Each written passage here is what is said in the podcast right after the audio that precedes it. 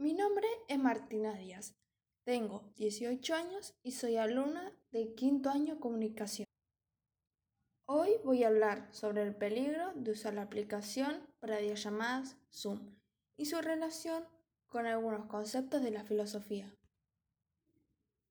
Seleccioné la nota 10 aplicaciones alternativas a Zoom para hacer videollamadas del diario digital Infobae. En la nota realizada por Desiree Jaimovich se describen los problemas de seguridad que vivieron algunos usuarios de la aplicación Zoom. La misma reflexiona sobre los recaudos que se deberían tener para mejorar la seguridad de estas aplicaciones para hacer videoconferencias.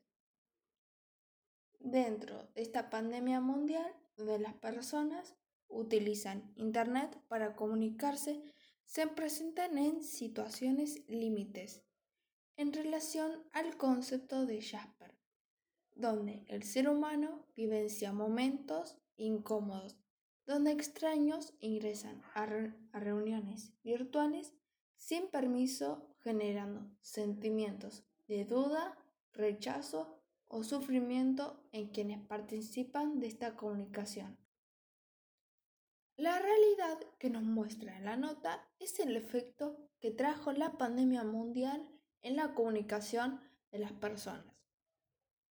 Para ello se necesitan respuestas lógicas en donde se analicen las aplicaciones que se usan para las videoconferencias y también para nosotros, los usuarios, sepamos qué recaudos hay que tomar para estar más seguro con el uso de estas aplicaciones.